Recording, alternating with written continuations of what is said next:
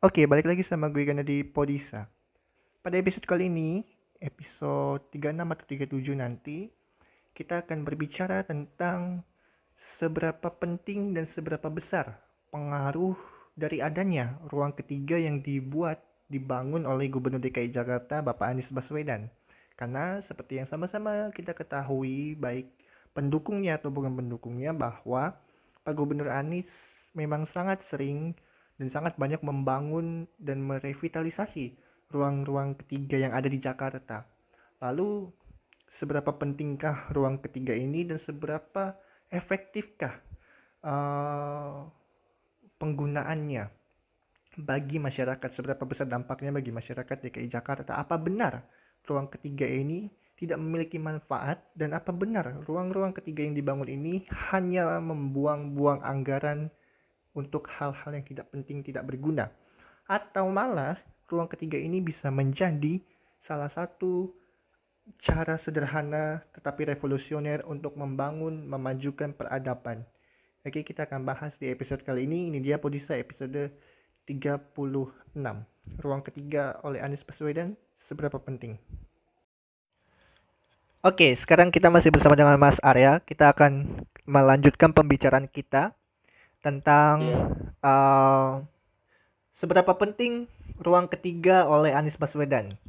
Karena yeah. gubernur sekarang, gubernur DKI sekarang ini membangun banyak sekali ruang ketiga dari mulai pedestrian, jalur pedestrian, kemudian JPO, hmm. JPO sebagai bentuk integrasi transportasi, tapi dijadikan juga ruang ketiga, dan kemudian uh, apa lagi? Ruang terbuka hijau, ya, RPTRA juga Iya. Itu itu adalah ruang ketiga yang sangat-sangat menurut gue sangat-sangat revolusioner mas karena untuk untuk membangun kesetaraan di tengah peradaban karena kalau sudah ada kesetaraan sosial maka ya peradaban pun akan mudah untuk maju. Nah mas Arya ya, pertanyaannya seberapa penting sih ruang ketiga yang dibangun oleh Gubernur DKI Jakarta Anies Baswedan? Uh, kalau menurut gue sih seberapa penting pasti penting banget yang per, alasan yang pertama gue bilang penting karena sisi positifnya banyak walaupun pasti aja pasti ada aja sisi negatifnya atau pro kontranya. Soalnya apa ya? Ya seperti yang lu bilang tadi apa ya? Dengan adanya ruang ketiga ini ruang interaksi ini antar masyarakat kemudian antar orang yang datang ke wilayah kita antar pemerintah atau antar pemerintah kepada masyarakat juga istilahnya lebih lancar sih mungkin. Hmm. karena tidak ada uh, memandang status sosial di sana ya. Semua sama. Yeah. berdiri di atas jalur yang sama gitu ya Iya. Oke. Lalu kalau tadi lu bilang sangat penting, kenapa dari sekian banyak gubernur terbaik yang pernah menjabat di Jakarta, kenapa baru yang sekarang aja yang menganggap ini krusial dan penting untuk warga Jakarta sebagai proses pembangunan peradaban di ibu kota?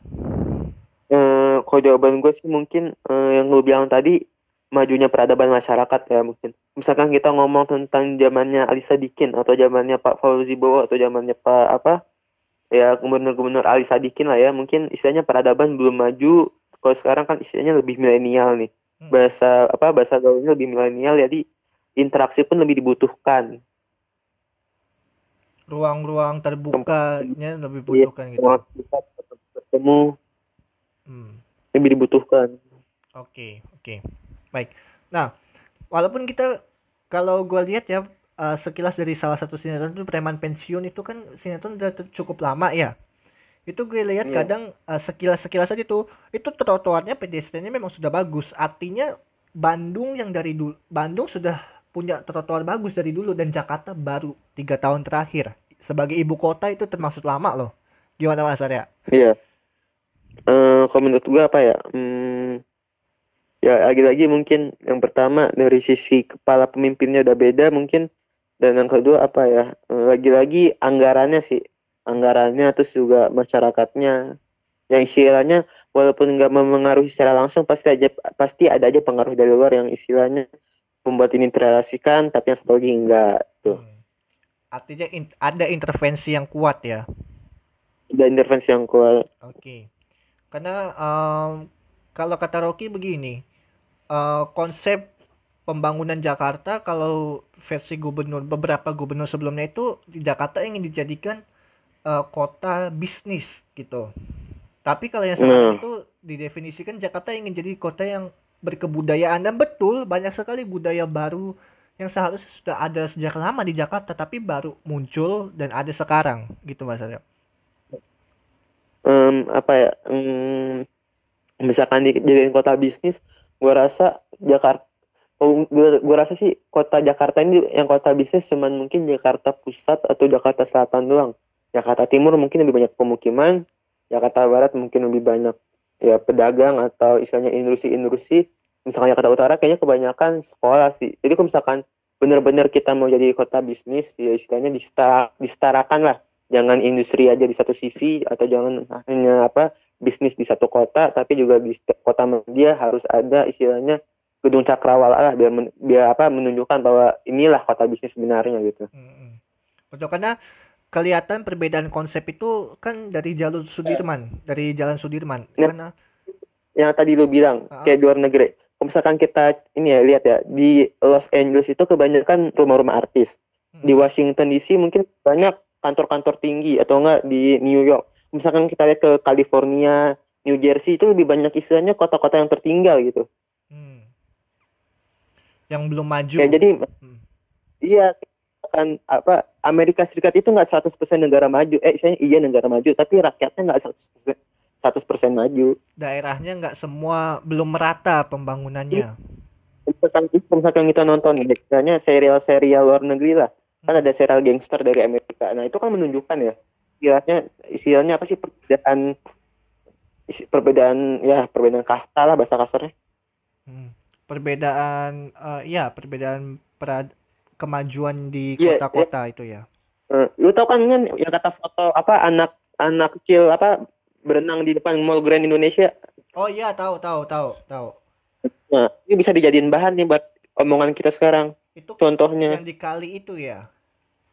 Iya, jadi harusnya kalau misalkan memang ruang ketiga ya istilahnya dis- disetarakan lah.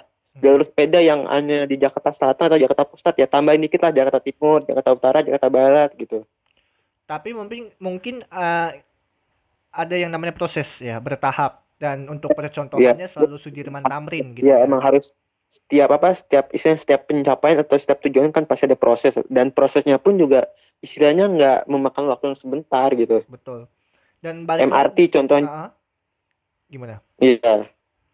Ya, MRT contohnya kan istilahnya berapa tahun? Tiga atau empat tahun tuh baru jadi LRT juga Hmm. Ya dan gitu.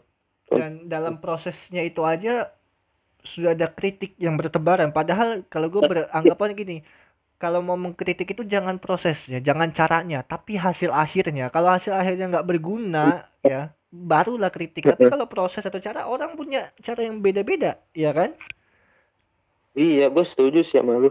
iya maksudnya bahwa apa Hmm. kalau misalkan kita lihat proses ya kalau dalam istilah sepak bola itu dalam istilah sepak bola ya membangun tim itu nggak nggak bisa hanya satu tahun kan nggak Iya. ada pelatih mana pun yang bisa dalam satu satu tahun kecuali kalau misalkan dia nyogok atau dia emang klub kaya raya ya ya oke dan itu juga harus diiringi dengan banyaknya praktik lapangan ya banyaknya pertandingan gitu kan banget banyak banyak iya banyak banyak apa ya istilahnya ya, ya yang kayak, tadi- kayak tadi kita bahas bahwa evaluasi itu penting sih dalam setiap proses Oke. Ya ya jadi ya itu salahnya orang ya karena ya namanya sudah dengki kalau sudah dengki itu susah ya. Ya. Jadi apa pun harus segera dikritik, harus segera dikritik. Dan sekarang kita lihat eh, ruang ketiga, balik kepada ruang ketiga, jembatan tanpa atap. Itu kan dulu Nah. awalnya wah luar biasa sekali dikritik ya. Sekarang ketika masyarakat masyarakat sendiri yang berbicara dengan dengan pembuktian mereka gitu bahwa itu bermanfaat gitu kan. Dan akhirnya sekarang Ya. mana SJW SJW itu nggak ada. pas apa pas jembatan tanpa atap itu giliran dia kritik tapi pas malam dia foto-foto di situ selfie selfie Betul. Dan itu pun yang pada akhirnya gue balik lagi pada isu yang hangat, tunggu sepeda. Jadi Anda silakan berkomentar, Anda silakan mengkritik, tapi Anda nggak boleh foto kalau itu udah jadi. Jangan selfie di sana. Nah. jangan, yang dimasukin ke media sosial lagi ya jangan. Ya terus nan hashtagnya karya siapa, karya siapa. Eh, tapi yang gua salut sama warga Depok pas ini sih pas kebijakan Anies yang tentang skateboard gitu hampir lapisan masyarakat menyetujui kan kalau nggak salah Iya, kebijakan skateboard karena it- itulah Mas Arya, itulah hasil uh, perubahan pola sikap. Jadi begini ya, gue mau cerita sedikit ya, mengutarakan argumentasi sedikit.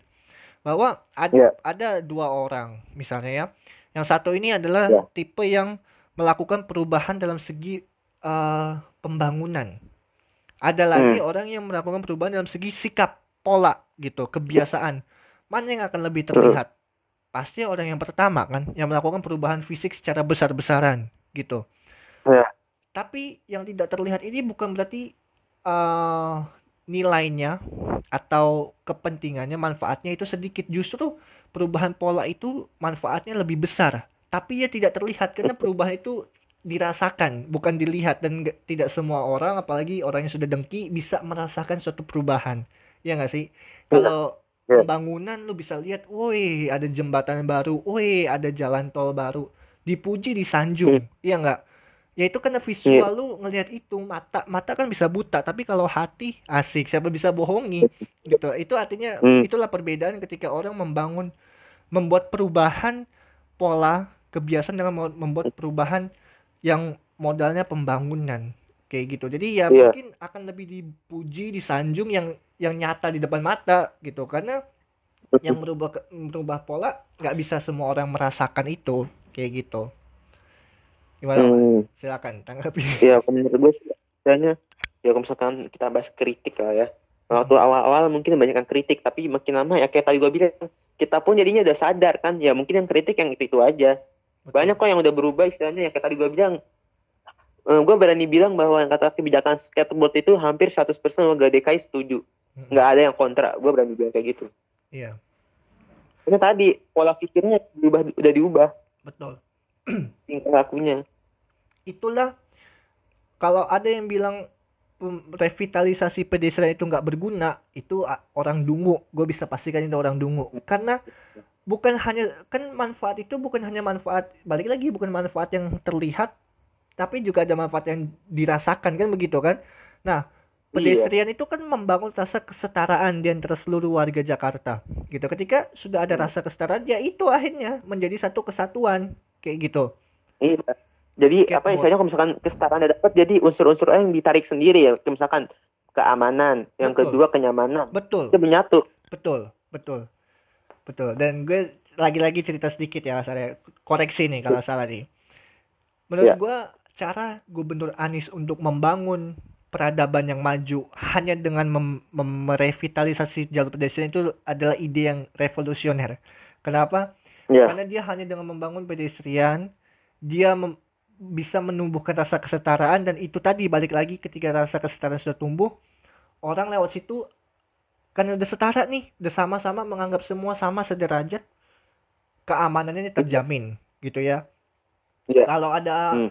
apa istilahnya jambret tolong menolong pasti ada seenggak-enggaknya direkam menolong. viral gitu kan atau kalau lu mau kaitin ke Pemdanya pasti Pemda ada CCTV CCTV-nya begitu kan? Iya. kemudian Benar-benar. benar. rasa nyaman. Ketika sudah aman nih kita udah rasa aman gitu karena semuanya sudah berbaur pada satu satu tempat yang sama maka nyaman dong lu. Lu mau ngobrol di pedestrian lu mau ngapain bebas kan? Selagi nggak nggak hal-hal yang menyimpang gitu kan? Itu tadi. Jadi gue merasa pembangunan jalur pedestrian ini adalah satu satu ide revolusioner yang sangat sederhana gitu Iya.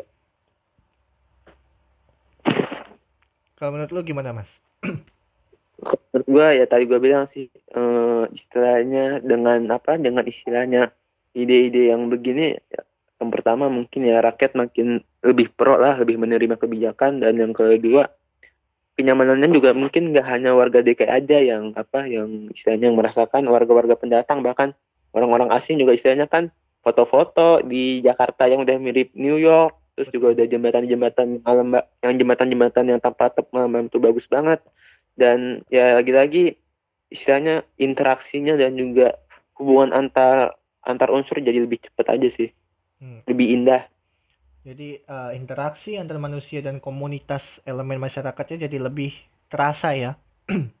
ya lebih tepat Karena kita kita nah bahas komunitas di pedestrian itu tadi Mas.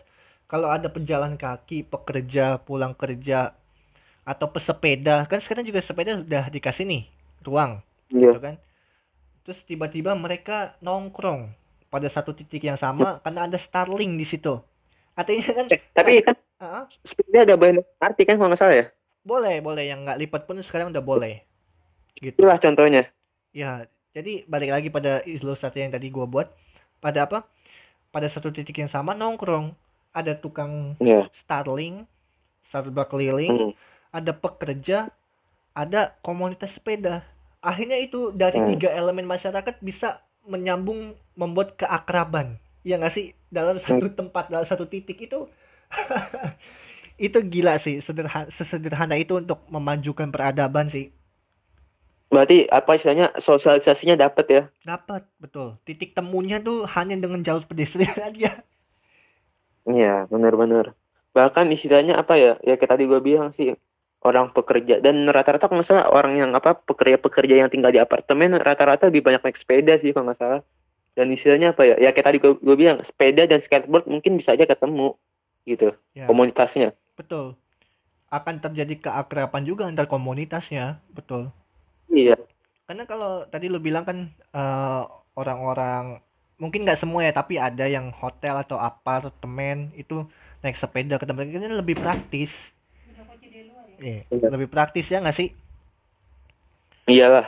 Eh, itu dia tadi. Dan apa istilahnya mengurangi kan dan istilahnya kalau misalkan ya kayak tadi yang gue bilang MRT ada terus juga apa istilahnya bus was, busway makin nyaman.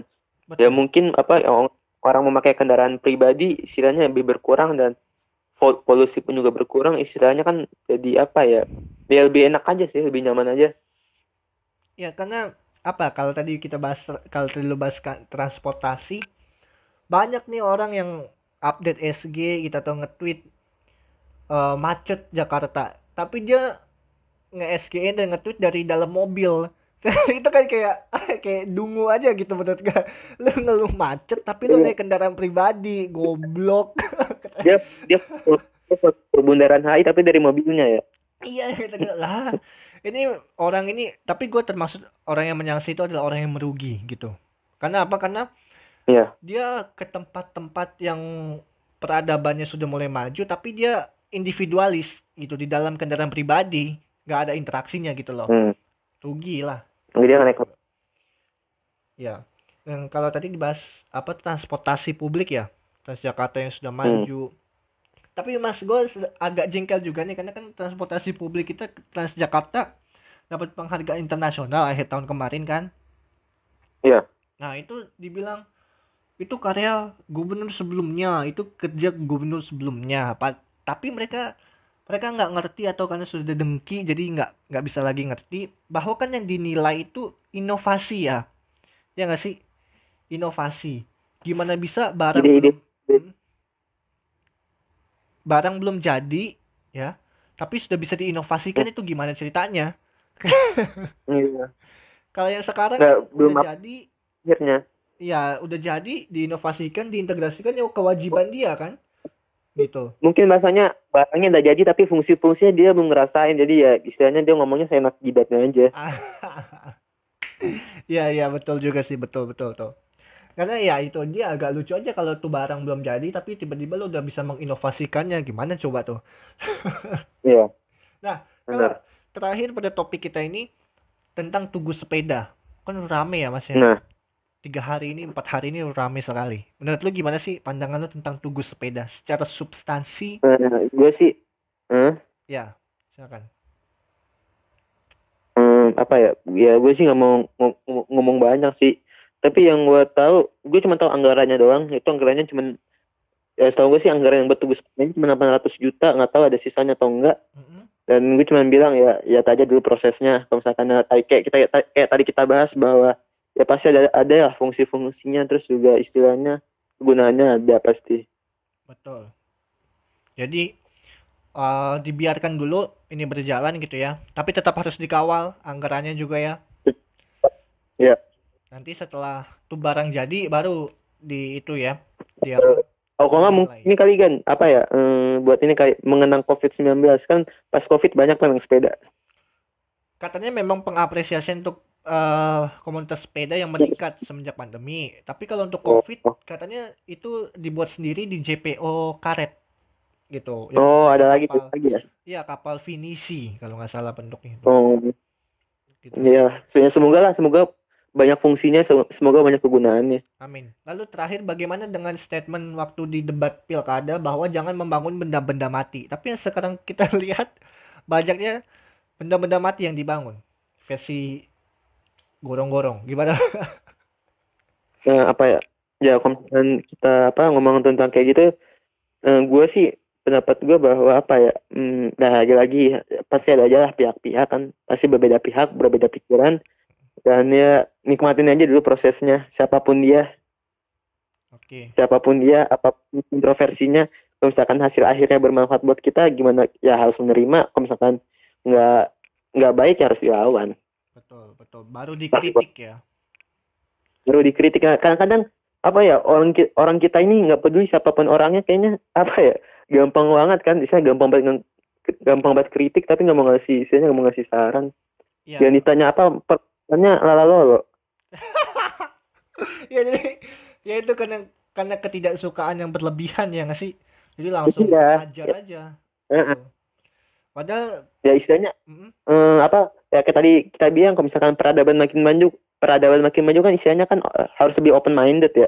Nah itu kan. Pikirannya juga harus mm, faktor terbukanya per- apa majunya peradaban yang karena keterbukaan pikiran masyarakatnya gitu. iya jangan ya, ya, maupun lu benci tapi ya istilahnya harus menerima lah. Ya lu terima kenyataan sekarang begini ya dan. Hmm, kan ada masanya kan. Ada eranya masing-masing. Betul betul.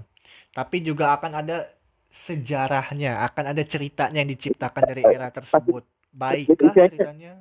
Eh, apa peristiwa Rengas Dengklok aja masih tercatat sampai sekarang Nah itu dia. apalagi yang kayak gini beda nanti mungkin cucu ngomongin Tapi mungkin sejarah tugas sepeda gitu harus di hati-hati juga karena sejarah kan banyak ya sekarang yang sudah dikabur-kaburkan ya, yang diburam-buram. ya di Ya itu harus. Tapi Ya. nanti sekarang dibilang tunggu sepeda hasil karya. Mensos. dan makin maju harusnya pikiran lebih maju lagi Ya betul betul.